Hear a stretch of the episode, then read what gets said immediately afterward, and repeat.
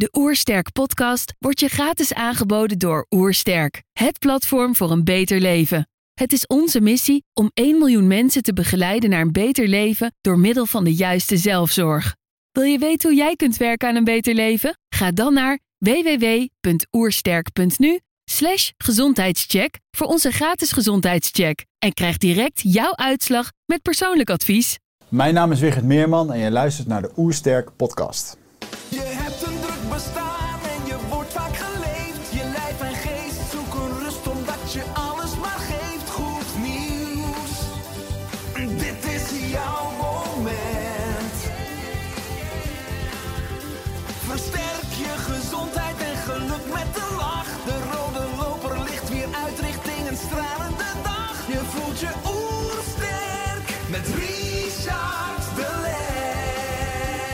We zijn hier in Heemskerk voor een podcast met Wigert Meerman. Wigert is multi-ondernemer, host van de Eindbazen podcast en auteur van het boek Op zoek naar antwoorden.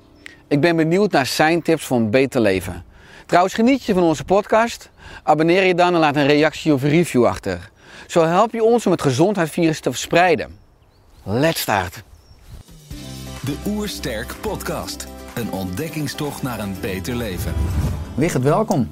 Dankjewel. Op je website staat Dream Your Existence. Ja. En hoe kunnen we beter dromen? Wauw, dream your existence. Het, het, ehm, ja, je bestaan dromen is eigenlijk een, een, eh, een gedachtegoed wat al eeuwenlang in het shamanisme bestaat. Waarbij je door middel van gedachten, een idee, een visie, ehm, ja, de werkelijkheid om kan buigen naar waar je uiteindelijk in leeft.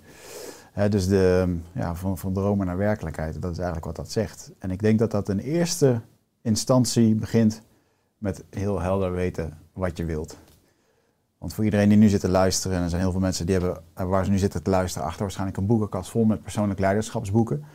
Dan kom je toch tot de conclusie dat de kernvraag van al die boeken is, wat wil je? En hetzelfde met de gezondheidsboeken die je schrijft, ja, wat is het dat je wil? En dat is het uitgangspunt. Ehm, en vervolgens is het erg belangrijk om erachter te komen, ja, wie- ben je dan eigenlijk? En, en dat, dat soort vragen die, die dragen heel erg bij aan het fundament van wat, wat je uiteindelijk tot werkelijkheid droomt. Want ik denk ook dat je, als je denkt dat je bepaalde dingen wilt, dan is altijd te gevaarlijke. Eh, je kan denken of dat je iets wilt, of je kan echt voelen dat je iets wilt. En, en ik ben ook in die valstrik gelopen dat ik dacht dat ik iets wilde. Een succesvol bedrijf hebben. eh, eh, tenminste, dat is natuurlijk heel mooi, dat, hè, dat wil ik nog steeds. Eh, maar ehm, het doel was geld verdienen. En dan merk je dat je met die energie iets gaat bouwen. En als je daar kaart aan gaat timmeren, ja, dan gaat dat, gaat dat verkeerde energiestuk gaat heel erg hard werkelijkheid worden. En dat is het uiteindelijk ook een keertje geworden bij mij. Dus om echt heel erg goed in de kern te weten wie je bent, wat je wilt. En dan vervolgens te gaan kijken hoe dat je dat gaat doen. Ja, in de jungle van Brazilië ontving je jouw levensmissie. De wereld weer leren wat het is om een puur mens te zijn. Hè? Hoe kwam dit inzicht? Nou, ik gebruik al regelmatig voor eh, mijn persoonlijke groei eh, plantmedicijn ayahuasca. En eh, dat heb ik een paar keer in Nederland gedaan. En ja, dat, dat heeft hele bijzondere momenten bij mij gegeven. die er uiteindelijk voor hebben gezorgd ook dat ik op een gegeven moment een visioen had. wat zei van, joh, je wat je nu aan het doen bent? Eh, is niet wat je moet doen. Ga je bedrijf verkopen. Dat liep niet lekker. Een start-up. eh, we waren een start- start-up gestart die niet ja, die niet lekker liep, niet vloeiend liep. En wat ik al zei, die was ik ook echt gestart om, om daar een, bedrijf van te maken wat ik met veel geld kon verkopen, zodat ik klaar zou zijn. En ehm, eh, dat heeft me uiteindelijk een burn-out gekost en, en nog veel meer, want ik ben alles daardoor kwijtgeraakt. Mijn huis, mijn geld, mijn relatie. Tien maanden in het geheim op kantoor geslapen.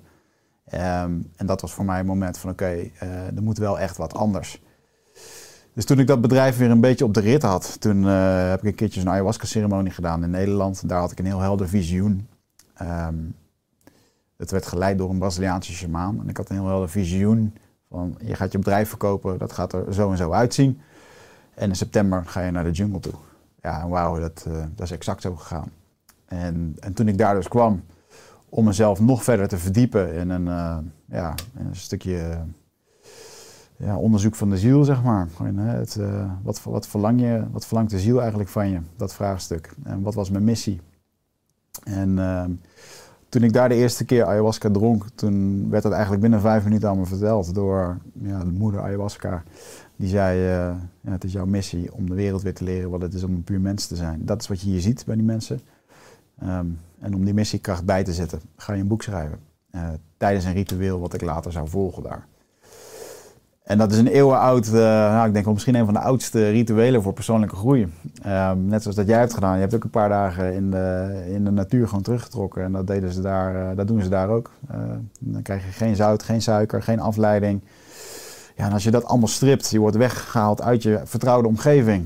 En je bent in één keer op jezelf aangewezen. En, je drinkt dan ook nog heel vaak plantmedicijn en werkt met allerlei andere plantmedicijnen. Ja, dat is de eeuwenoude heling die zij gebruiken om hun ziel te reinigen. En om al het negatieve wat wij als mens in onszelf ontwikkelen, eh, om dat te reinigen uit onszelf. Alle oude patronen, alle destructieve gedachten en zo. Ja. Ja, want toen je was voor mij 40 dagen, hè? Ja. tijdens dit plantdieet eh, in de jungle schreef je dus het boek Op zoek naar antwoorden. Wat een blauwdruk is voor het menselijke zijn. Ja. Kun je dit toelichten? Ja, kijk, als wij. ehm, eh, wat is dan een puur mens? Dan heb je natuurlijk met heel veel facetten te maken. Eh, dus ik heb eh, bijna 25 hoofdstukken geschreven over zelfliefde, over angst, over opvoeding, over liefde in relaties. Ehm, eh, zelfacceptatie, helder kunnen kijken naar jezelf en de wereld. En dan, en dan kom je er toch gewoon heel erg achter.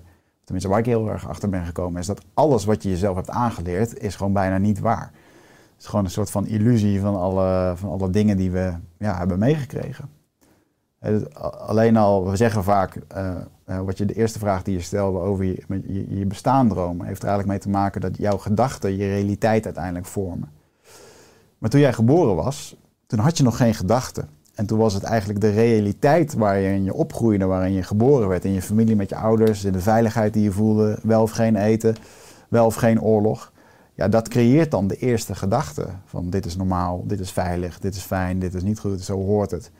En, en ja, naarmate we ouder worden, loop, loop je op een gegeven moment gewoon spaak in al die, in al die gedachten en illusies. Dus eh, ja, wat, wat de, de blauwdruk van de mens, die is denk ik eh, in heel veel facetten te beschrijven. En ik denk dat ik met mijn boek eh, de kern daarvan wel, eh, wel echt aantik, ja. Ja, want je ervaarde in de 40 dagen dat je daar was ook extreme eenzaamheid. Ja, je werd eh, met je schaduwkant geconfronteerd, schrijf je, ook met je diepe angsten. ja. Dacht je wel eens, jongens, ik ben weg, ik pak mijn spullen, de groeten. Heb ik nooit gedacht. Het zit niet echt in mijn karakter om, om aan iets te beginnen en dan eh, te gaan stoppen. Ik kan, wel, ik, kan wel heel, ik kan ook heel erg goed zwelgen in voor waar ik voor heb gekozen. Dus als ik iets heb gekozen van ik ga dit doen en het gaat niet goed, dan, ja, dan, dan, dan door, doorsta ik dat gewoon. Maar ik heb wel eh, heel snel ervaren, ehm, en dat is wel grappig, dat eh, jij, jij, hebt in jouw werkveld ben veel bezig met voeding.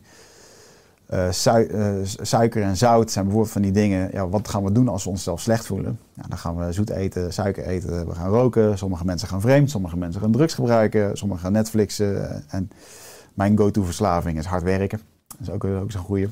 Dus ehm, ja, op een gegeven moment ben je daar in die jungle. Ehm, dan mag je dus geen suiker, geen zout, waardoor je dus extra gevoelig wordt. Ehm, maar je kan dus alles wat je tegenkomt in jezelf niet gaan toedekken. Want je bent daar in je eentje. En ik heb daar wel echt gemerkt, na een paar dagen in die jungle, waar ik eh, soms gewoon in één keer aan het huilen was, of in één keer aan het lachen was, of in één keer heel erg veel geluk kon ervaren. En ja, kwam ik eigenlijk best wel veel van die schaduwzijde tegen. En ik denk dat een van de grootste conclusies die ik daar trok, is dat, dat, in die, dat die jungle, de natuur, niet oordeelt. Die geeft helemaal niks over hoeveel volgers dat je hebt, over hoeveel geld dat je hebt, over hoe zielig dat je jezelf vindt, of, of waar je allemaal recht op hebt of wat dan ook. Nee, je bent gewoon onderdeel van en als je niet oppast, eh, niet meebeweegt, dan, dan vreet het je gewoon op. En, en dat is wel heel grappig, dat, eh, dat de erkenning die we toch vaak zoeken en die zo makkelijk voorhanden is in onze wereld, die is daar gewoon niet te krijgen. En dan kom je erachter dat er maar één iemand is die over jou oordeelt en dat ben je zelf. Ja. dus dat was wel echt een, eh, dat is heel confronterend. Dus ik heb daar wel momenten gehad dat ik echt dacht, nou, ik, ik, ik draai hier nog een keer door met alles wat er dan in je opkomt en waar je tegenaan loopt. En ja, eh, geen ontsnapping. Dus als je in één keer aan bijvoorbeeld situaties denkt in je leven ehm, waar je niet aan kan ontsnappen, maar die nog wel heel erg pijnlijk zijn, dan, eh, dan zitten daar hele vervelende middagen of ochtenden bij, ja. Soms dagen. Ja, maar als je het hebt over vervelende dagen, je ging daar bijna dood door voedselvergiftiging. Ja. ja. Dacht je toen ook van, daar ga ik, of voelde je toen al dat je het zou overleven? Ja, dan moet ik, ja, dan moet ik wel. ehm dan moet ik even anders vormen. Want ik, ik dacht dat ik bijna dood ging. Dat is, en ik, ik, ik heb natuurlijk een, eh, ik heb een hele lieve vriendin die heeft echt een bijna doodervaring gehad. En dat is wel echt een ander spelletje. Ehm, ik was daar echt, van Meijeren? Ja, Marie van Meijer. Ik was er echt ontzettend ziek. Ehm, en ik heb daar echt een eh, ervaring gehad dat ik echt heel angstig werd en eh, bijna een dag lang voedselvergiftiging had. Ehm, en wat zij daar vaak zeggen is op het moment dat je ziek bent, dat je het beste het medicijn kan drinken. Hè, dus ayahuasca. Dus ook als je last hebt van je maag, of, eh, ja, dan, dan is dat toch gewoon het go-to medicijn in de jungle. En ehm, ja, op een gegeven moment, ik, eh, ik bleef maar overgeven. En ik had op een gegeven moment zo het idee van, ja, dit heeft helemaal niks meer met, met een medicijn te maken of wat dan ook. Ik ben gewoon echt ziek. En toen dat niet, ehm, niet voorbij ging, toen ben ik op een gegeven moment eh, naar een hutje gelopen waar een paar mensen zaten die mij eh, konden verzorgen. En daar ben ik gewoon ingestort voor die hut. En ze hebben mij daar op de planken gelegd. Dan lag ik daar in mijn onderbroek in de open buitenlucht. En dat was het moment dat ik echt dacht van ja, ik, ik moet gewoon naar een ziekenhuis. Maar waarbij, waarbij ik ook dacht van ja, het ziekenhuis, het water staat hier nu laag in de rivier. Het was geen regenseizoen, dus we doen er gewoon minimaal drie tot vijf uur over om bij een dorpje te komen waar ze nou, nou misschien een pleister hebben bij de EWO. En vervolgens zou ik een vliegtuig moeten pakken. Die ging pas op dinsdag, dus dat was sowieso drie dagen later. Dus op een gegeven moment eh, ging ik helemaal in de gedachtenmolen. dacht ik echt van ja, ik ga, ik ga hier gewoon de pijp uit. Ik ga hier gewoon dood. En, en dat was wel het moment dat er op een gegeven moment, ik was zo klaar met vechten en met het ziek zijn, dat op een gegeven moment dat ik dacht, oké, als dit het dan is, dan, dan is dit het. En op het moment toen ik dat losliet, ja, toen begon er wel echt iets heel magisch. En, en ook drie indianen die om mij heen zaten, die... Kijk, ze, ze helen daar mensen al 4000 jaar zonder enige vorm van aspirine of pilletjes of andere dingen. Eh, depressie, burn-out, zelfmoord komt daar niet voor. Het woord depressie bestaat niet in hun taal. Ehm 50% van alle medicijnen die wij hier in de eh, apotheek hebben liggen, die komt uit Amazone. 75% van de medicijnen tegen kanker, die komt daar vandaan. Minder dan 1% is wetenschappelijk onderzocht. Minder dan 1% van al die planten die er zijn. En in elke hectare, ik geloof dat het een voetbalveldje is ongeveer, dat heeft zijn eigen uniek e- ecosysteem met planten, dieren en insecten. Nou, terwijl wij hier zitten te kletsen, zijn er gewoon een paar hectare weer omver eh, gebrand of, eh, of gehakt. Dus ik ben er echt van overtuigd dat de, de kuur voor alle ziektes, die ligt gewoon daar. En toen ik daar zo ziek was, eh, ja, dan heb, dan heb je gewoon drie, drie indianen om je heen zitten, die bladeren in het bos gaan plukken, die eh, van allerlei op laten snuiven, eh, met tabak werken, ehm, eh, ja, met, met, met, met hars wat ze verbranden. En, en wat hun oudste methode is, is, is het chanten. Dus ehm, als daar mensen ziek zijn, dan gaan er gewoon shamanen om je heen zitten en drink je het medicijn, gaan ze voor je chanten. En dat, dat doet dan het helende werk. Iedereen die een keertje een, een plantmedicijn ceremonie met een shamaan heeft meegemaakt, die zal dat kunnen beamen. Maar het zijn dan uiteindelijk die liederen eh, die het helende werk doen. En, en dat is wel echt iets. Iedere keer als ik daar ben, en dan zijn ze daar bezig eh, met het chanten. En ik heb daar een keertje gezeten met een, ehm, met een inwijding, waarbij ik geen plantmedicijn had gedronken, maar wel vier dagen wakker werd gehouden, allerlei dingen moest doen. En dat ze gewoon 24 uur lang aan het chanten waren. Zowel de vrouwen als de mannen om me heen. En dat ik op een gegeven moment daar zat. En, en dat gewoon, ik begon gewoon dingen te zien. Geometrische patronen en dingen. En alsof ze heel die energie aan het opbouwen waren. En dat ik daar echt zat van wauw, wat weten we toch gewoon weinig van de natuur. Wij zijn dat gewoon helemaal kwijt.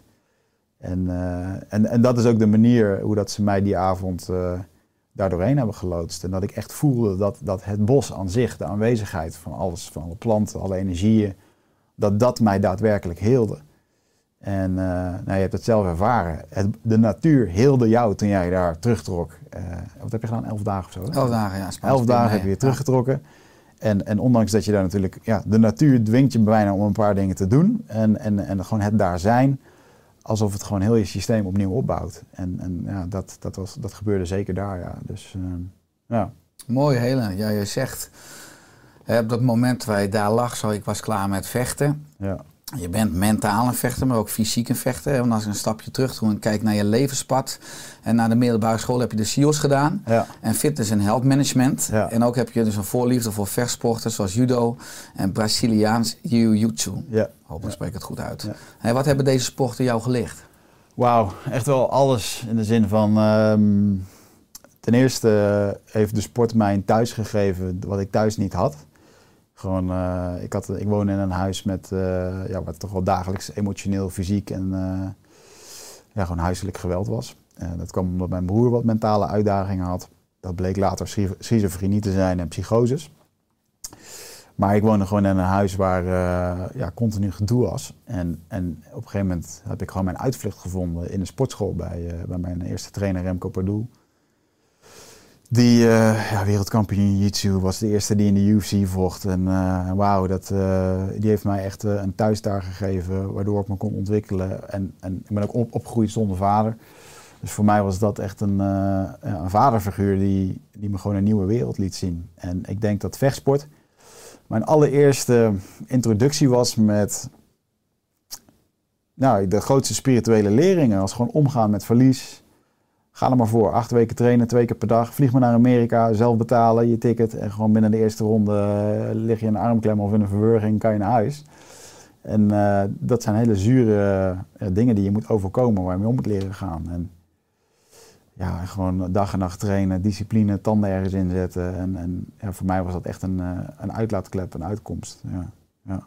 Ja, het is mooi hoe je in deze context zegt het spirituele, omdat het inderdaad enorm fysiek is. Ja. Hè? En spirituele vaak geassocieerd wordt inderdaad nou, met zachtheid en wat je zei ook misschien met liederen en met, Ja. en, met, en met strelen, met veren. Maar ik zag een video eh, uit 2013 waarin je met een enorme grote gespierde eh gozer eh, aan het vechten bent. Hij is uit, voor me een beetje uit de Oostblok. Op een gegeven moment buig je zijn voet en zijn been bijna om en hij klopt gelijk Ah, ja. af. Ja. Maar ja, wat ik me dan afvraag, terwijl ik dat zo zit te kijken hè, met mijn, eh, mijn kopje sali thee. eh, hoe waren zulke gevechten om leven en dood? Tenminste, zo komt het natuurlijk wel. Je dat elkaar wel moet, echt moet aan ik wel, moet ik wel eh, een nuanceren. Eigenlijk, ehm, eh, die wedstrijd die je hebt gezien, dat was een grapplingwedstrijd. Ik vocht toen MMA, dus Mixed Martial Arts en grappling en Braziliaanse Jiu-Jitsu. Nou, bij MMA, eh, ja, dan mag je feitelijk eh, alles. Al is dat ook heel erg met regels. En ehm, is het nu echt een van de grootste sporten in Amerika. Eh, mijn trainer Remco Pardoel, die was wereldkampioen Jiu-Jitsu. En toen, toen bestond dit nog helemaal niet. Die heeft gewoon letterlijk in een blad, in een vechtsportblad gezien van oké, er wordt in Amerika iets georganiseerd, de eerste UFC, waarin we de beste vechters, boxers en zo tegen elkaar zetten.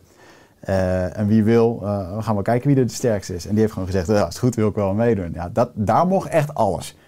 En nu is het gewoon echt sport. En, ehm, en die video die jij van mij hebt gezien, eigenlijk is het heel mooi. Hè? Het zijn gewoon twee eh, fanatieke jongens die dag en nacht trainen, die hun eigen spel proberen te, te vinden in het, eh, in het vechten. En eigenlijk, ehm, we proberen elkaar te verwurgen, eh, te, te- met enkelklemmen, armklemmen, wat dan ook. Geen slaan of schoppen zat daarbij. En eigenlijk is het een hele gecontroleerde manier van stoeien. Dus waar judo normaal ophoudt, gaat dit verder. Net zolang, hè, ga maar stoeien met een van je vrienden. Voel maar eens hoe, zwaar dat het is. En dit is gewoon 10 minuten lang, op hoog niveau, eh, een soort schaakspel. En op een gegeven moment eh, heb je iemand in een positie waarbij je door middel van een klem zijn enkel kan breken. En dan is het aan die persoon om, eh, om af te tikken. En als eh, je niet aftikt, en als dan hij breekt niet, dan breekt zijn enkel. En eigenlijk eh, is dat een soort van spelletje van, nou, als je nu niet aftikt, ja, in een echt gevecht, dan, dan, dan was het nu inderdaad klaar, weet je wel. Eh, maar ehm, ik denk dat dat, ehm, veel mensen hebben dat wel eens aan mij gevraagd, van wat is nou spiritueel aan twee van die gasten die elkaar in elkaar mappen. Maar dat is, de, dat is wel de hele korte versie, zoals je daar naar kijkt. Je moet het zo zien, er zijn twee gasten die, die, die stoppen daar heel hun hart in, heel hun hebben en houden. Het kost jarenlang training om daar echt goed in te worden. En dat, dat, eh, het respect wat je gewoon, zodra dat iemand tikt en is even balen dat je hebt verloren, maar daarna dan eh, zit je gewoon met z'n gast een biertje te drinken en eh komen vriendschap uit voort. En dat, dat is echt zo bijzonder.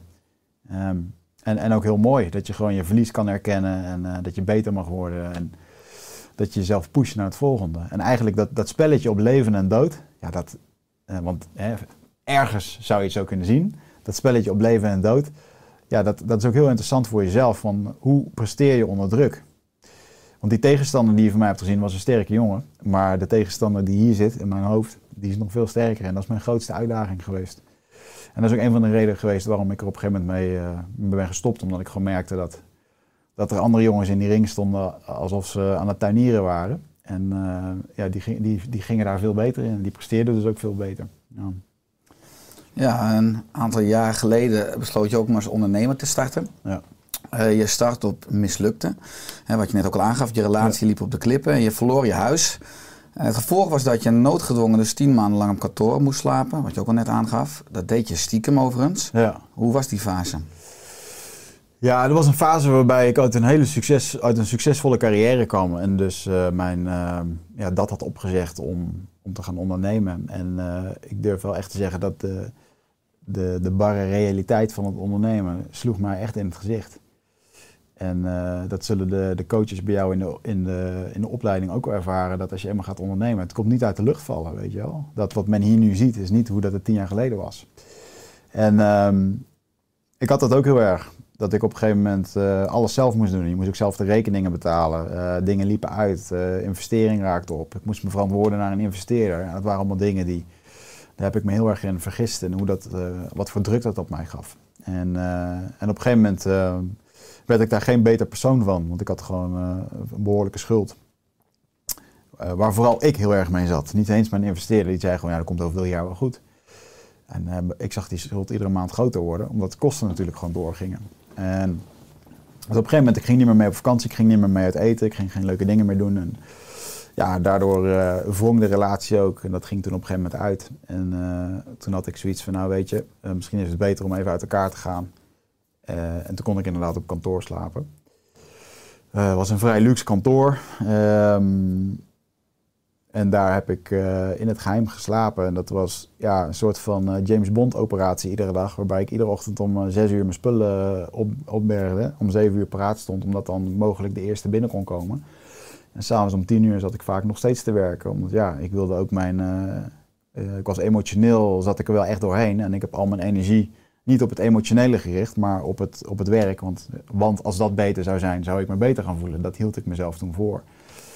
En eh, toen heb ik tien maanden lang heb ik me daar zo op gefocust. Eh, met als resultaat dat het bedrijf eh, ja, goed ging op een gegeven moment. Ehm, ik weer een huis kon krijgen. En ik toen, twee weken later, toen ik de sleutel kreeg, compleet ingestort was. Ja, dat was april 2015. Ja. Hè, omdat je in de zin de tien maanden ervoor te veel van je lichaam had geëist. Ja.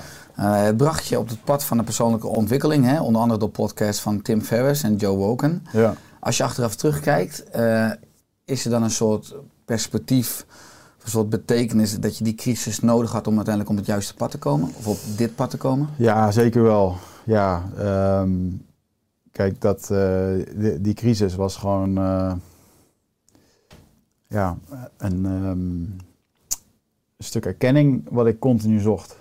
Eh, die vechtsport ook trouwens. Het ging maar niet zozeer om de medailles. Als ik gewoon een medaille won, dat was leuk. Maar eigenlijk wat ik het liefste wilde, was die medaille winnen.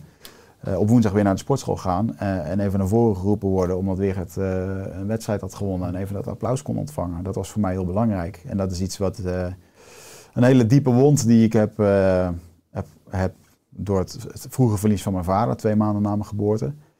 En ehm, ja, ik kwam er toch wel heel erg achter dat ik al die dingen toch wel heel erg heb gedaan. Gewoon om een stuk waardering te krijgen van de buitenwereld en gezien te worden en erkend te worden. En, ehm, want als je niet gezien wordt en je krijgt die erkenning niet, ja, dan moet je het maar gaan halen. Dus dat ben ik gaan doen door heel succesvol te worden en alles. Tenminste, dat moest of dat dacht ik. Of, ehm, en soms speelt dat nog steeds wel eens op. Ben ik nog ook eerlijk in. Dan, eh, ehm, dan, denk, nou, dan hang ik nog steeds heel erg mijn geluk van, eh, van bepaalde successen af. Sommige dingen moeten ook gewoon een succes raken. Is dat een emotionele wond die ooit heelt? Of zeg je, hij springt af en toe nog een beetje open? Ik weet niet. Ik denk dat de meeste mensen wel. ehm, ik denk dat de meeste mensen geboren worden met, eh, met één of twee grote uitdagingen in hun leven. Echt ehm, ja, het, de grote dingen waar zij mee omgaan. En ik denk wel dat, dat je ermee om kan leren gaan. Ik denk ook wel dat je het kan helen. Ehm, maar ik denk wel dat het altijd een soort van aanwezigheid kan hebben in je, in je leven. Ja.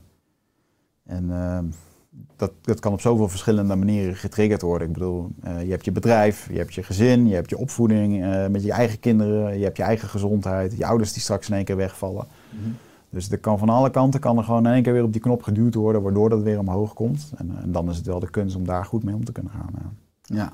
Maar op dat pad van persoonlijke ontwikkeling kwam ook op een gegeven moment het verlangen om een tijdje in isolatie door te brengen. Ja.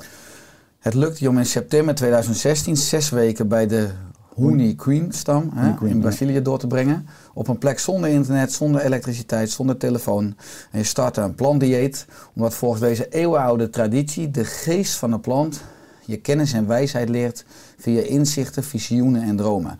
En daarover schrijf je: Het zal je helpen bij het vinden van je missie. Het zal je de wijsheid leren van het universum, de aarde, het water, de bliksem en de sterren. Hoe was dat? Ja, het is bizar dat je gewoon al weet dat die mensen dit al 4000 jaar lang zo doen. En, ehm, en het grappige was, toen dat dieet begon, eh, was een van de eerste regels die ik kreeg, was van de shamaan, Isha, die, eh, die me dat opdroeg. Die zei, eh, nu is je dieet gestart, vanaf nu mag je niet meer negatief praten. En ehm, eh, eh, niet meer negatief praten of boos zijn. Alles wat negatief is, alles wat negatief is in gedachten, dat buig je om naar iets positiefs. Toen dacht ik, wauw man, hier in de jungle is dit al 4000 jaar lang een regel. En wij betalen 4000 euro voor een NLP-cursus die je dit vertelt, weet je wel. Dat is nu, en dat is zo ontzettend mooi om te zien dat dat dus daar, zij zijn ook al gewoon heel bewust met dat je gedachten dus ook jouw geluk vormt, hoe dat je je voelt en uiteindelijk ook ziekte of andere dingen creëert. Ehm, dus om jezelf eh, ja, helemaal af te zonderen in de natuur en dan, en dan te werken met die, die eeuwenoude wijsheid. En het mooie is dat daar de shamanen zijn gewoon de doktoren. En als je aan hun vraagt van, joh, hoe, ehm, ja, hoe weet je dat je die of die persoon moet helen met die en die kwaal? Ja, dan gaan ze de planten ten rade. Ze vragen het gewoon aan de natuur. En dat kan dan of ayahuasca zijn of, of andere planten. En je merkt dus ook dat naarmate je helemaal gevoelig wordt, ge- geen suiker, geen zout eet, dat je, dat je gewoon in zo'n gevoelige staat komt, dat alle lagen die om jou heen zitten, die zijn op een gegeven moment van je af.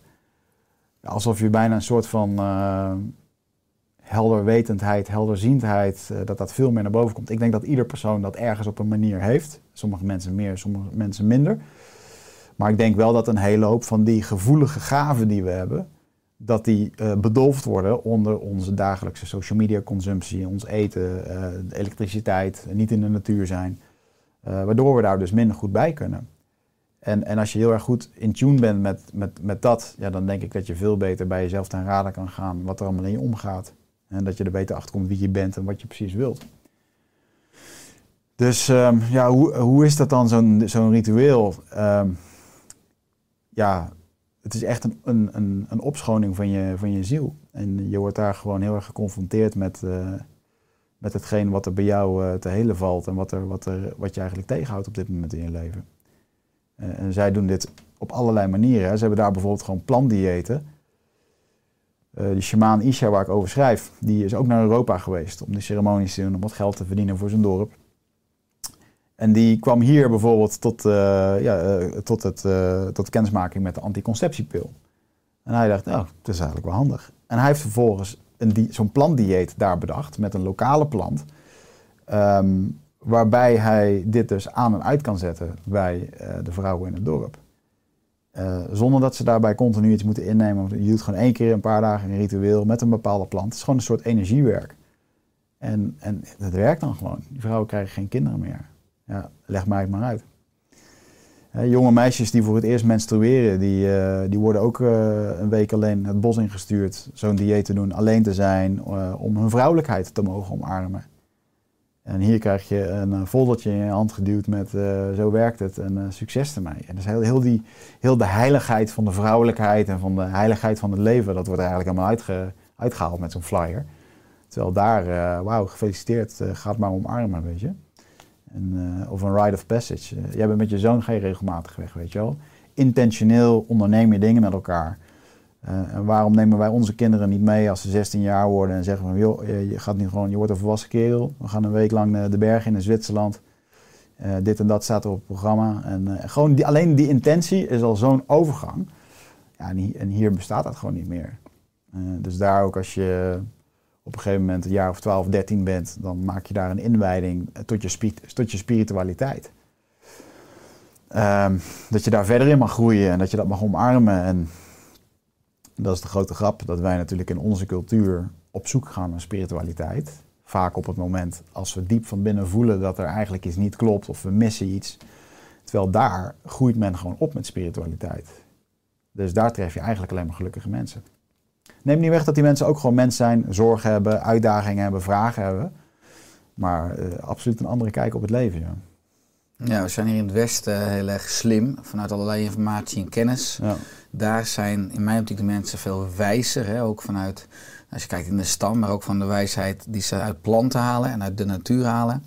Zijn er ook bepaalde principes eh, die we ook echt van de Indianen kunnen leren? Of die je ook echt meegenomen hebt zeg maar, van het leven daar, die context nu in je huidige Ja. leven? Ja, Eh, nou, het nummer één ding daar is zelfheling. Dus als je hier tegen iemand zegt, eh, misschien moet je een keertje met een psycholoog praten. Ah, dat, dat, komt met zoveel schaamte en met zoveel... Het wordt gelukkig meer geaccepteerd. Maar daar is gewoon zelfheling het nummer één ding. En zij doen, dat, doen dat iedere week door ayahuasca te drinken. Ik snap dat dat hier niet kan.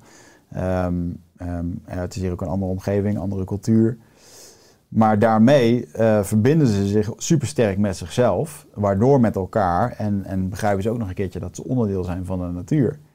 En, en dat stukje, dat, eh, dat heb ik wel echt overgehouden aan dat ritueel. Dat, eh, de, de nietigheid die ik heb gevoeld als onderdeel van de natuur. We, kunnen er gewoon niet zonder mee. En, en als je daar hebt eh, geleefd, dan, dan begrijp je gewoon heel erg goed dat, dat wat we hier nu aan het doen zijn, dat het echt gewoon waanzin is. Echt, en zij kijken ook echt naar ons alsof wij gestoord zijn. Waarom, ze hebben, waarom hebben jullie 1 miljoen mensen aan antidepressiva?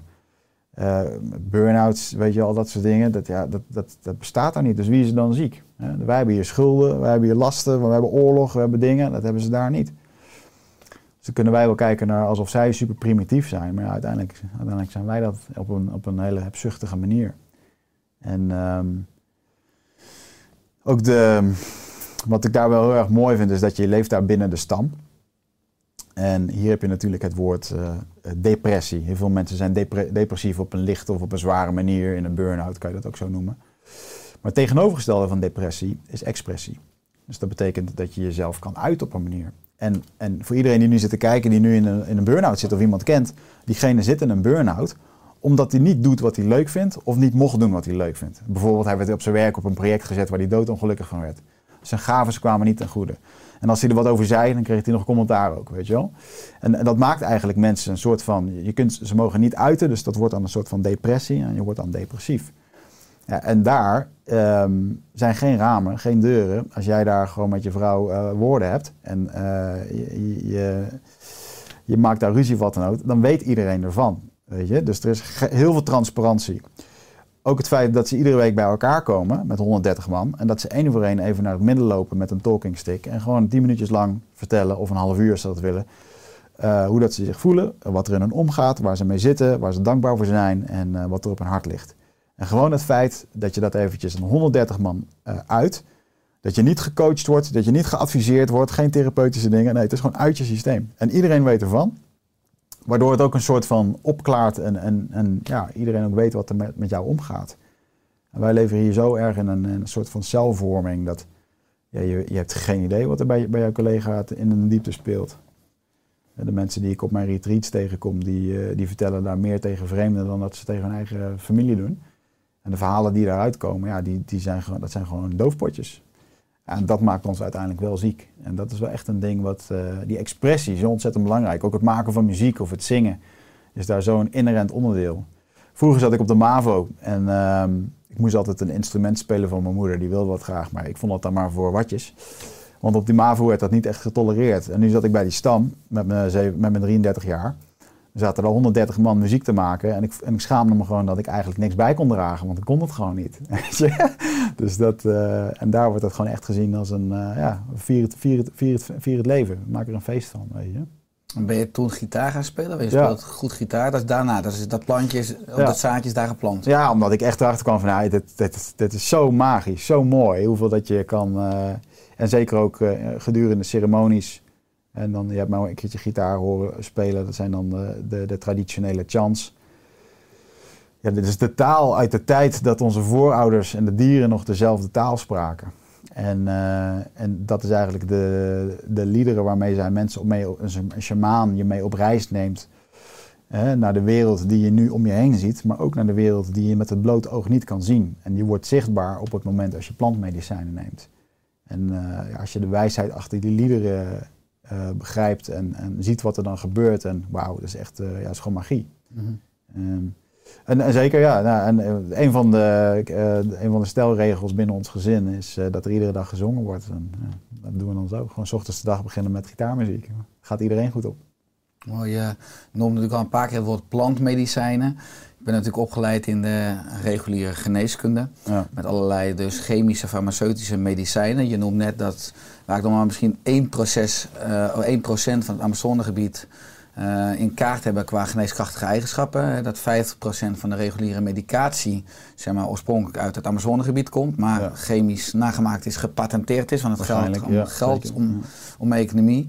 Eh, maar wat kunnen we in jouw optiek ook eh, in de geneeskunde leren van de Indianen? Ook vooral vanuit het perspectief dat daar shamanisme ook een enorm, grote rol speelt in heling. En we hier ook veel meer naar materie in het vlees kijken.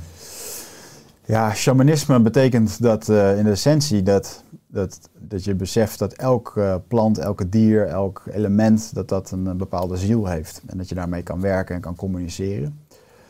Eh, Albe- Alberto Villoldo, een bekend shamaan waar eh, onze vriend Jesse van der Velde ook eh, in lering is geweest. Die, Auteur van vele boeken ook. Ja. Auteur van vele boeken, maar heeft ook, is ook een wetenschapper en werd ook gek genoeg in de begintijd vaak op pad gestuurd door farmaceutische bedrijven. Van joh, ga alsjeblieft dat stofje vinden waardoor we kanker kunnen oplossen. En er werd dan vele tienduizenden of honderdduizenden euro's in die expeditie gepompt. En hij kwam eigenlijk altijd thuis met de conclusie van jongens, sorry, er is niet één stofje, het is gewoon levensstijl. En, en kijk, er zijn een aantal dingen die, die ontzettend giftig zijn hier. Hè, waaronder dat wij gewoon nou, toch behoorlijk in een wereld leven die continu vertelt eh, dat je niet van jezelf moet houden. Eh, sla boven, eh, als je in de winkel een magazine openslaat, dan zie je grote borsten, sixpacks, allemaal gefotoshopt, oh, social media, het is allemaal nep. Dus het, het Behalve beeld- onze account. Behalve onze accounts Ja. inderdaad, ja. En dat, want wij posten echt alleen, natuurlijk alleen maar ook onze slechtste momenten. Ja, exact. Weet je? En ehm, ja, dus het geeft gewoon geen waar beeld. En ehm, dus, dus dat is al een ding wat daar niet is. Hè? Dus geen telefoons, geen, geen... De mensen die daar in de jungle leven, die weten exact wat ze kunnen krijgen in hun leven. En er is niet meer of wat dan ook. Het wordt pas giftig op het moment als die een telefoon open doen en daar eh, Richard, de influencer, zien in zijn appartement in New York met miljoenen en gouden Rolexen. En, en dan, dan komt er in één keer een beeld van, oh, dat moet ik ook of zo, weet je wel. Maar dat, dat, dat hebben zij dus niet. En het besef dat je, dat je in de natuur opgroeit en dat je ook echt beseft dat die natuur alles biedt wat jij nodig hebt. Ehm, eh, als je ziek wordt, eh, voor eten, voor, voor onderdak. Kijk, en dat, dat merk je niet meer op het moment als jij hier een, eh, een, kilo knaller plofkip gaat halen voor, voor 5 euro. Ten eerste moet je hem daar jagen. Vervolgens zijn er ook nog allemaal regels. Als ze daar gaan jagen en ze zien bijvoorbeeld een apensoort die ze lange tijd niet hebben gezien, dan jagen ze er niet op. Want dat betekent dat die, dat die soort aan het herstellen is. Ehm, dus dat betekent dat je er dan niet op jaagt. Die jagers vertellen dat tegen elkaar. Zij weten als geen andere hoe dat je een ecosysteem in stand moet houden, zodat het voor jou werkt in plaats van tegen jou werkt. Ja, hetzelfde met die aboriginals in Australië. Die wisten perfect hoe ze met bosbranden moesten omgaan. Nu, overal bosbranden in, eh, in Australië. En eh, dan gaan ze weer de hulp inschakelen van die mensen, weet je wel. Ehm, ja, en, eh, en, en ook dat die mensen bijvoorbeeld gewoon merken dat, eh, eh, dat olie in de rivier heeft gewoon direct invloed op de geboorte van kinderen. Kinderen met geboortedefecten of kwik.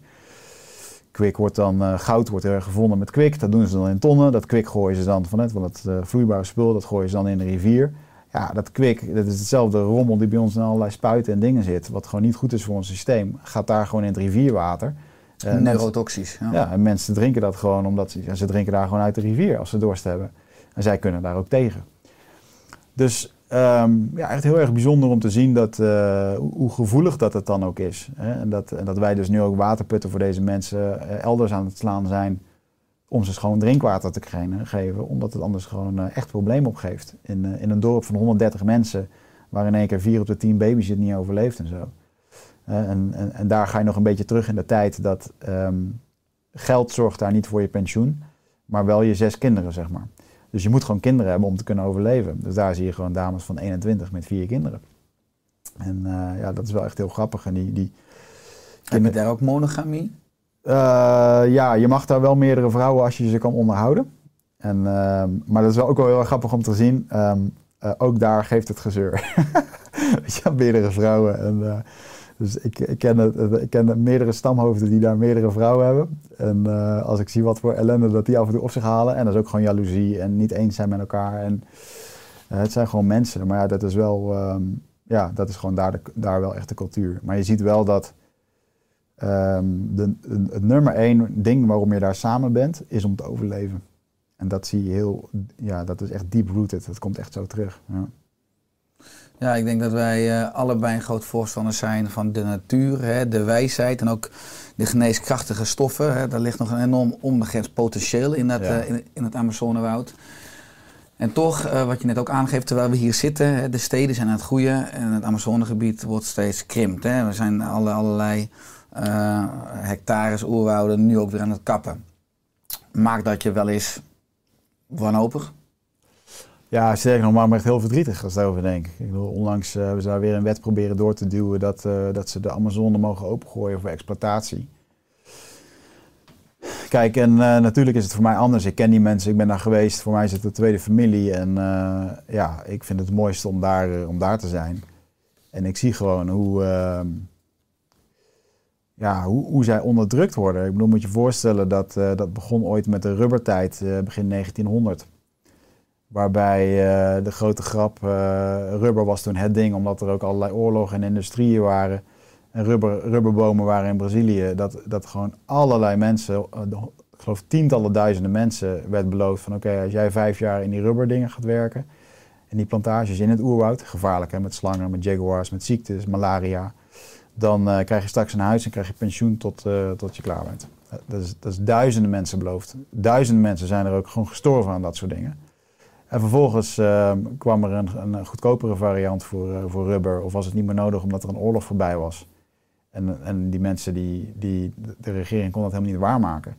En dus gingen al die mensen weer terug uit dat gebied. Dus dat, er is echt zo'n geschiedenis in, eh, in Brazilië. eh, die, die gewoon heel zwaar geleund heeft op het bestaan van die, van die Indianen. En natuurlijk ook de kolonisten die er kwamen. Van de 10 miljoen Indianen zijn er gewoon 8 miljoen overleden. En waaraan? Voornamelijk aan, eh, aan pandemie-ideeën, tuberculose, mazelen. Eh, dus als je het hebt over pandemieën, deze, deze Indianen vinden het, vinden best wel eh, een tijd waar we nu in leven. Vinden dat heel spannend. Ehm, maar niet gek met die achtergrond. En ehm, als je nu gewoon ziet dat, dat zij een gebied hebben aangewezen gekregen. Waarvan de president al heeft gezegd van daar, daar, daar komt geen centimeter meer bij. Sterker nog, we willen het eigenlijk on- onteinigen. Ja, dat is natuurlijk super kwalijk, want er gaat er zoveel wijsheid verloren. Nogmaals, de kuur voor alle ziektes die ligt daar, daar ben ik van overtuigd. En we kunnen zoveel van hun leren. Maar dat is heel erg lastig om dat ehm, te vertellen aan een, aan een land wat zo groot is en zo arm en zo verdeeld. En dat, eh, dat maakt me wel triest, ja. Dat is ook wel een van de redenen waarom ik eh, mijn stichting heb opgezet. De Tribe Leader Foundation. Om eh, ehm, land rondom die aangewezen gebieden van, eh, van de Indianen. En dat, dat is grappig als we het dan even hebben over deze tijd waar we leven in lockdowns. Deze mensen zitten 30 jaar in een lockdown. Gewoon een gebied, daar mag je in leven, that's it. Als je dan weet dat zij normaliter drie jaar in zo'n gebied leefden om vervolgens weer door te trekken. Omdat de planten opraakten, het eten, de dieren. Hè, sommige bomen die ze kappen voor de, voor de daken van hun hutten, die, die kap je, maar die hebben 60 jaar nodig om te groeien. En die groeien niet opnieuw aan. Dus normaliter om de drie jaar gingen zij weer weg. Nu zitten ze al 30 jaar op dezelfde plek. Dus dan begrijp je dat het op een gegeven moment best wel eh, karig wordt. Dus met mijn eh, Tribe Leader Foundation wil ik eh, land opkopen rondom die gebieden. En dat teruggeven aan, aan de oorspronkelijke bewoners. En dan mogen zij daar, kan de volgende generatie daar weer op wonen.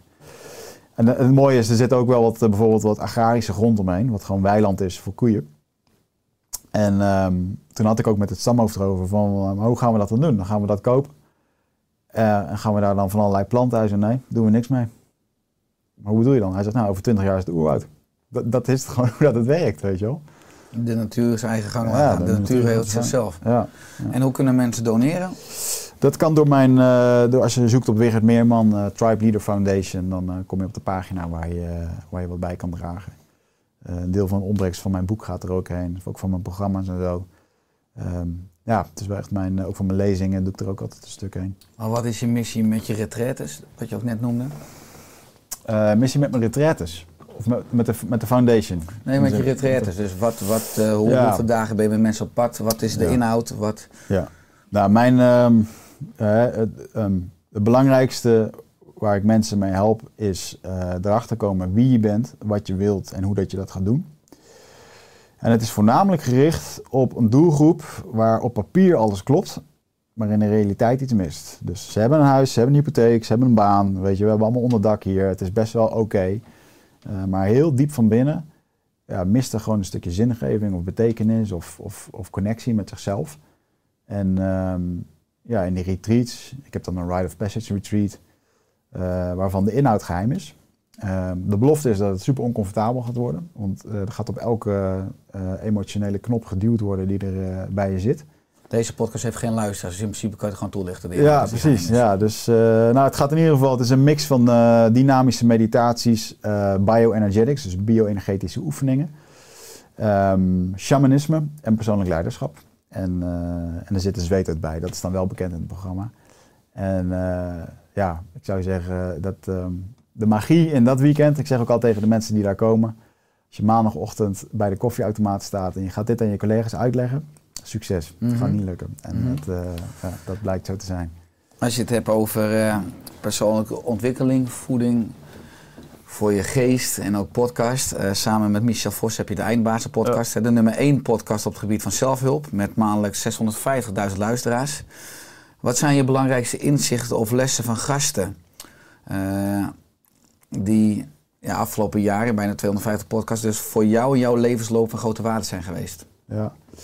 Wauw, er zijn echt heel veel. Ehm, er zijn een aantal podcasts waar ik echt gruwelijk van heb genoten. Eh, wat dan eventjes nu top of mind ligt, was eh, Wouter Tavecchio, oprichter van Qdance. nu directeur van IDT. Heb ik in januari dit jaar geïnterviewd. En eh, ja, die heeft dus ook het Mandali Resort. En, eh, dus ondanks dat het daar over hardcore feesten gaat en, en hardstylefeesten, is het een hele spirituele kerel die, eh, waar ik ontzettend veel ehm, eh, bewondering voor heb over zijn... ja, dat het ook een mooie mix kan zijn van het ondernemerschap, je passie en spiritualiteit. En, dus daar heb, ik, daar heb ik heel veel van genoten. Ehm, Michael Pilarczyk heeft een hele grote rol in mijn leven gespeeld. Heeft me heel goed geholpen. Heeft me ook echt uit, dat, uit die tien maanden kantoortijd eh, geholpen. Dus dat, eh, dat vond ik een van de hele leuke van de podcast. Dat was een van de eerste grotere namen die bij ons kwam. En eh, André Kuipers, de astronaut. Ja, toch bijzonder. Er zijn niet zoveel mensen die in de ruimte zijn geweest. En wat een heel bijzonder verloop voor mij heeft gehad, is, de, is een commandant van de commandotroepen. Omdat ik toen een televisieserie zat te kijken van Onze Jongens in Mali, het dagboek van Onze Jongens of zo. Een mooie serie over de landmacht die daar hun dingen deed. En dat ging over het Korps commandotroep. En toen dacht ik, wauw, dat is eigenlijk wel interessant. Ik wilde vroeger altijd bij de commando's. Een soort jongensdroom die nooit waar is gemaakt.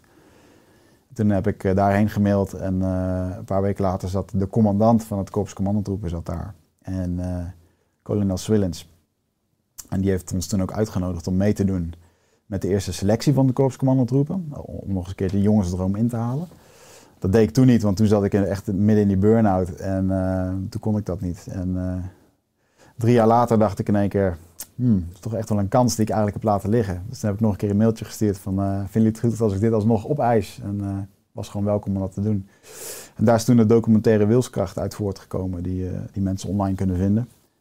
Ja, dat, dat avontuur, gewoon een jaar lang daarvoor trainen en in die omgeving zijn.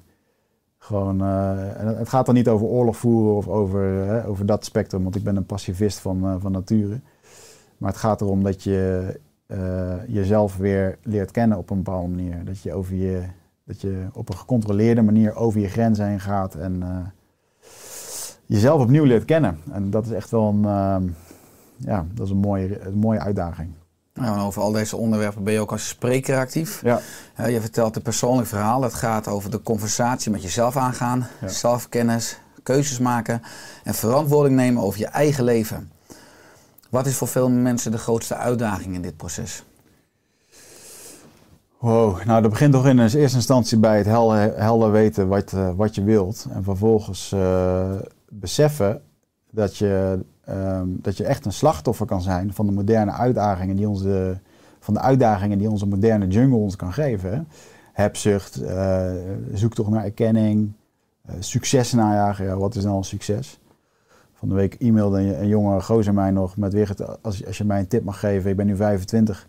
Wat moet ik doen? Eh, jagen op succes of op geluk? Echt, ja, maar ja, voor mij is als je gelukkig bent, dan ben je succesvol, weet je wel. En ergens herken ik ook wel weer de 25-jarige gedachtegang die, die je dan hebt. Maar ik denk dat voor een hele hoop mensen is het, eh, is het belangrijk om erachter te komen van ja, ehm, ehm, wat wil je en wat is het dat je ziel op dit moment van je verlangt? Dat is een vraag die stelde mijn, ehm, eh, een van mijn coaches uit Amerika, Elliot Hulst, die stelde me dat ooit. En dat vond ik zo'n rakende vraag over wat je nu eigenlijk dagelijks aan het doen bent. Is dat echt wat je wilt? Niet wat je moet omdat je er werkt of omdat je dan een contract hebt, omdat je je hypotheek moet betalen. Nee, maar is dat, is dat echt wat je wilt? En voor heel veel mensen is dat niet het geval. En, eh, en, en daar zal je actie op onder moeten nemen, anders gaat het niet veranderen. Dus je moet daar, ja, je moet daar keuzes in maken. En, eh, en als je die keuzes gaat maken, dan gaat er een hele hoop bewegen. En dan kan het zomaar gebeuren dat je gelukkig wordt. ja. Nou, dat is een mooi voorbeeld wat je zegt van eh, dan die, die, jonge, die jonge man van 25 met die vraag. Ja. Komt ook voor, omdat we in het onderwijssysteem hier natuurlijk over deze principes niets leren. Nou, je hebt zelf een dochtertje Lea. Ja. Eh, hoe kijk jij naar het huidige onderwijs? En eh, zijn er zaken die jij zou willen aanpassen of aanvullen? Wauw, ja, kijk, het huidige onderwijssysteem. Ik vind het heel lastig. We hebben een, een jonge dochter eh, die nog niet naar school hoeft. En eh, we zijn er echt nog wel aan het kijken op, naar wat voor school dat die moet. Of hoe Ze is drie jaar. Ja. Of dat we dat zelf gaan doen. Want ik ben het huidige schoolsysteem, ja, daar, daar vind ik eigenlijk niks in wat, wat oké is. Ik zat laatst met een eh, gezamenlijke vriend van ons te, te, te, te kletsen, Jerry. Die, ehm, die zei ook gewoon voor, ja, hij zegt toen ik een school zocht voor mijn kinderen, heb ik eigenlijk gezocht naar de minst slechte. Dus dat betekent dat er al niet zoveel optie is. Ik woon in de omgeving Amsterdam, ik kan me opgeven voor een school. Maar vervolgens eh, heb ik geen keuze of dat dat doorgaat. Het moet allemaal ingelood worden en zo. En daar ga ik heel slecht op, dat ik daar zelf geen controle op heb. En ehm, een stukje intuïtieve opleiding, eh, het een zijn met de aarde. Dus al die dingen die ik daar bij die stam heb, heb gezien. En daar bij die stam zag ik gewoon dat ze ochtends kregen de kinderen les over hoe dat je bijvoorbeeld eh, aardappels moet planten. Dan kregen ze de theorie. En smiddags ga je gewoon met heel de stam ga je op de berg aardappels planten. Dus theorie en praktijk. En zo wordt dat daar spelenderwijs geleerd. En er wordt daar hun echt geleerd wat nodig is om te overleven. De stelling van Pythagoras heb ik tot nu toe nog steeds niet nodig gehad weet je, om te overleven. En, en da- daarin heb ik mezelf ook heel erg ongelukkig en eenzaam gevoeld eh, op school. Met, met al die druk van kiezen en keuzes en vakken kiezen. En ja, wist ik veel wat ik toen leuk vond. En, en al die, die, dat hokjes denken. Dat, ik weet nog wel dat ik een keertje met een, eh, met een leraar zat te kletsen. Die vroeg toen, wat wil je later worden? Ik zei, ja, ik wil, eh, ik wil graag commando worden, zei ik toen. En eh, toen zei hij, zou je dat de rest van je leven willen, willen zijn? En dat vond ik zo'n demotiverende vraag. Dat, dat toen begon dat al een beetje te wankelen bij mij. Maar ja, die man was gewoon al 65 jaar lang was hij gewoon leraar. Dus ik zou voor het huidige schoolsysteem, eh, dat leraren ook veel vrijer mogen zijn, veel, eh, veel individuelere aandacht, eh, niet dat groepsdenken. Maar ja, dat is natuurlijk dat industriële concept waar, waar het onderwijs voor is, is opgericht in eerste instantie. En dat is gewoon niet meegeëvolueerd in wat het nu is. En ik denk dat er een hele hoop mensen nu eigenlijk niet echt worden opgeleid. Ze worden bezig gehouden. Ze komen straks in de echte wereld waar ze moeten werken, die nu supersnel gaat met artificial intelligence en allerlei andere dingen dat, je, dat, je, dat als dat straks allemaal losgaat, wat het nu al gaat, dat je maar beter gewoon echt kan doen waar je echt gelukkig van wordt, waar je echt goed van wordt, waar je verbinding mee vindt met anderen en met jezelf. In plaats van dat je daar doet wat de maatschappij van je verlangt. Daar word je doodongelukkig van. Ehm, dus dat eh, op het gebied van school, eh, ja, eh, geloof ik wel echt wat meer in de, in de democratische en dat kinderen zelf wat meer eigen zeggenschap kunnen hebben over wat ze willen. Maar Ehm, ik weet dat er een hele hoop ouders nu zitten te kijken. Die zeggen van ja, maar ja, wat jij wil, dat is niet bij ons in de buurt. En ons, ons kind zit op school. Ik snap dat je dan in een soort van eh, val zit. Waar je eigenlijk niet uitkomt, systeem. Ehm, kijk, het is natuurlijk ook anders in deze tijd. Dat als je thuis komt en je hebt twee weldenkende ouders. Die anders denken dan, dan dat systeem. Ehm, en ik zie nu wel echt een hele nieuwe generatie waar kinderen misschien wel in dat systeem geduwd worden, maar waar, waar een ander thuis is, waar thuis anders wordt nagedacht, duurzamer, liefdevoller, ehm, eh, meer bezig met persoonlijke groei en dat soort dingen. Kijk, en dat is natuurlijk ook een hele belangrijke, misschien nog wel de belangrijkste omgeving waar ze, waar ze zich vertoeven.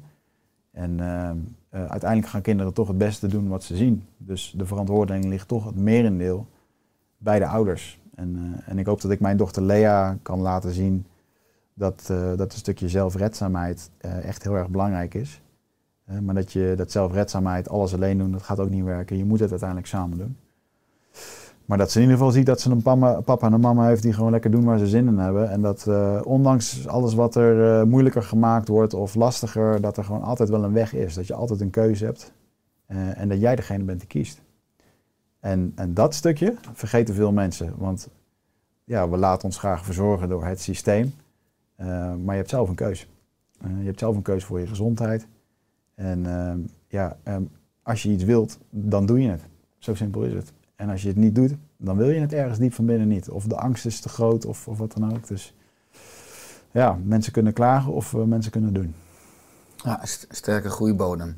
Je hebt natuurlijk in je leven een burn-out ervaren, dus ook je fysieke grenzen. Je bent enorm bezig met spiritualiteit en de kracht van de ziel, van de geest. Je bent ondernemer, dus in die zin je eigen slaaf, hoe je je agenda inricht.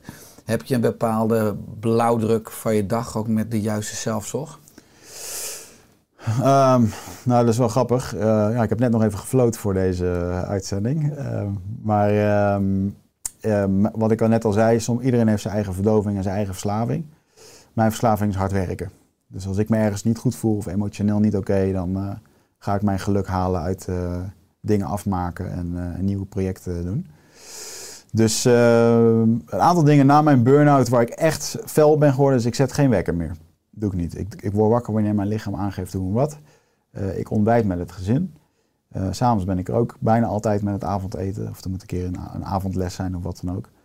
Dus dat, eh, eh, de familiewaarden die staan wel heel erg hoog. Het, het samen zijn. En, en soms is er nog wel eens een, eh, een, een jonge wilde wiggert die dat lastig vindt omdat hij zoveel wil doen. Maar uiteindelijk is dat wel gewoon de basis. En ik zie ook ja, hoe goed mijn dochter Lea daar, daarmee opgaat. Dus ook het ondernemerschap is bij mij heel erg gericht op ja, ook veel, veel thuis zijn. Het eerste half jaar ben ik gewoon thuis geweest. Toen Lea werd geboren. En, en nee, dat begrijp ik dat als je dat nog nooit voor je ogen hebt gehad en je krijgt over een maand een kind, dat dat dan heel lastig is. Maar ik wist al twee jaar voordat ik een kind kreeg dat, dat ik het dan zo ging doen. Dus die visie hebben over hoe zie jij het ouderschap in, combineren, in combinatie met de, met de bedrijven runnen. Dat, eh, dat is heel belangrijk voor, voor mij geweest. Plus ik ben er ook achter gekomen dat vroeger wilde ik een soort van Richard Branson zijn. Met allemaal verschillende bedrijven. Nou, daar ben ik achter gekomen dat ik daar alleen maar stress van krijg. Dus ik ben nu juist heel erg de focus aan het leggen op, eh, op minder doen. Waardoor ik wat meer gedaan krijg. En ehm, ja, ik, eh, ik werk echt vier dagen ongeveer op kantoor. Of dan doe ik mijn dingen. Dat is altijd wel een beetje mijn werkweek. En wanneer, het, eh, wanneer, het, wanneer de inspiratie er is, of 's avonds, of wanneer ik schrijf, of wat dan ook. Ehm, dus ik, ik probeer alles wel heel erg vrij, vrij te houden daarin. Ja. En ik ben heel erg goed in het eh, maken van projectjes. Dus dan en dan hebben we een retreat. Nou, dan weten we dat we voor die tijd zoveel dingen, tickets verkocht moeten hebben. Of dan hebben we een online cursus die start. Ik hou heel erg van projectmatig werken om dan weer naar het volgende eh, te gaan. En al die activiteiten en al die rollen die je hebt, bijvoorbeeld ook als verspotter en in die jungle van Brazilië. Wat is nou het gekste wat je hebt meegemaakt? Het gekste. Wauw. ehm, ja, dat is wel een hele moeilijke vraag. Ehm, ik denk dat. ehm, nou, ja, dan, dan is de jungle is wel echt eh, top of mind. Gewoon omdat daar, eh, ik noem het dan maar gewoon toveren. Hè? Dat als je daar gewoon eh, met die shamanen praat en je drinkt ayahuasca en je zit continu ook in een, in een realm die je met het blote oog niet kan zien. Ehm, en dan vertel je de meeste, voor de mensen die mijn boek hebben gelezen of gaan lezen, ehm, je zult daar de verhalen wel in lezen. En dan vertel je dat tegen zo'n shamaan en die kijkt je dan gewoon met droge ogen aan. En eh, nou ja, oké, weet je, dat uh, heel normaal hier. Mooi voor je. Mooi voor je dat je net opgegeten bent door een slang en dat, uh, dat al je oude emoties opgegoten zijn. En soms moet je gewoon sterven om, om de schoonheid van de wereld weer te zien. En dan geven ze een schouderklopje en lopen ze weg. En dan, oké, dat is de les die je daar krijgt. Dus um, de, ja, die magie vind ik wel. Ik vind het mooi dat ik daar in een wereld, in een sprookjeswereld van magie zit. En voor hun is het de normaalste zaak van de wereld. En zij begrijpen dat ook, dat dat voor mij zo is. Dus uh, ja, ik kijk er onwijs naar uit om weer uh, terug te gaan. In januari eh, volgend jaar hoop ik weer eh, daar weer heen te gaan. Voor lang? Voor drie weken. Ja. En dan, eh, dan moet je het een beetje zien als dat je nu naar... Je gaat vaak naar de Efteling, maar op een gegeven moment leer je het personeel kijken.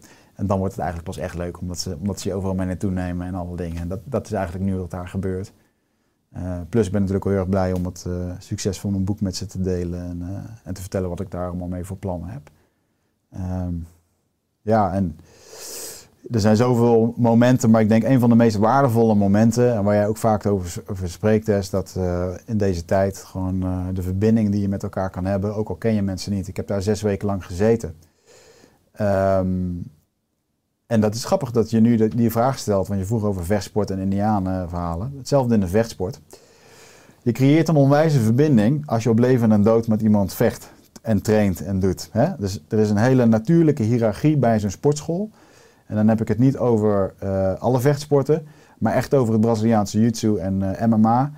Eh, daar is letterlijk gewoon de sterkste is daar de baas. En je ego wordt iedere dag met je neus in de mat geduwd. En, en, of, of in een armklem gelegd. Daar moet je iedere dag mee omgaan.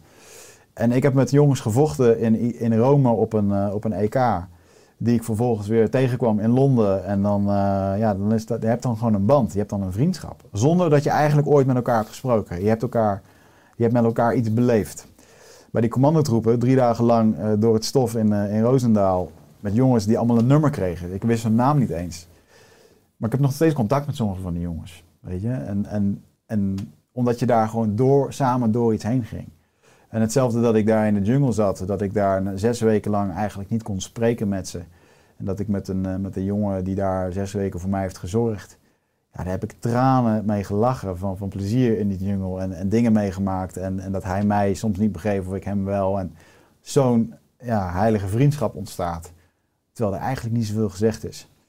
En dat betekent, is voor mij een hele duidelijke les, dat als wij onder de juiste omstandigheden met elkaar samen door dingen heen gaan, eh, elkaar daarin steunen, eh, of van elkaar mogen leren en daarvoor openstaan, dat, je, dat, dat er iets onwijs magisch ontstaat. En dat is eigenlijk gewoon eh, vriendschap, liefde, verbinding.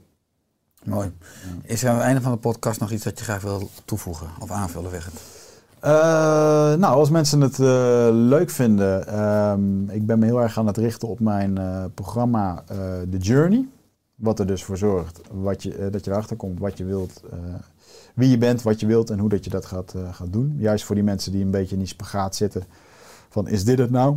Ehm, en daar heb ik een acht weken programma voor waarbij ik mijn plantdieet, wat ik in de jungle heb gedaan, eh, simuleer voor de moderne wereld. Dus je krijgt daar ook opdrachten die ik daar van de shamanen kreeg. Eh, je hoeft thuis geen ayahuasca te drinken of zo. Het is gewoon te doen voor iedereen. Maar het is wel echt een eh, persoonlijk leiderschapsprogramma waarvan ik denk dat gaat wel een tandje verder dan, dan de gemiddelde doelen stellen. En, en hoe moet je dat dan doen? Ehm, dus ja, ehm, eigenlijk is het mijn boek in de praktijk. Eh supermooie resultaten die, er maar, die daarmee gebeuren. Online sessies, eh, ook shamanic journeys, dus eh, meditatieve ja, reizen als het ware, gecombineerd met shamanisme. En gewoon hands-on persoonlijk leiderschap. Want, want uiteindelijk, we leven hier wel gewoon in Nederland op aarde en we moeten het hier ook gewoon doen. Eh, maar wel met, wel met de voorouderlijke wijsheid die o zo hard nodig is in deze moderne jungle.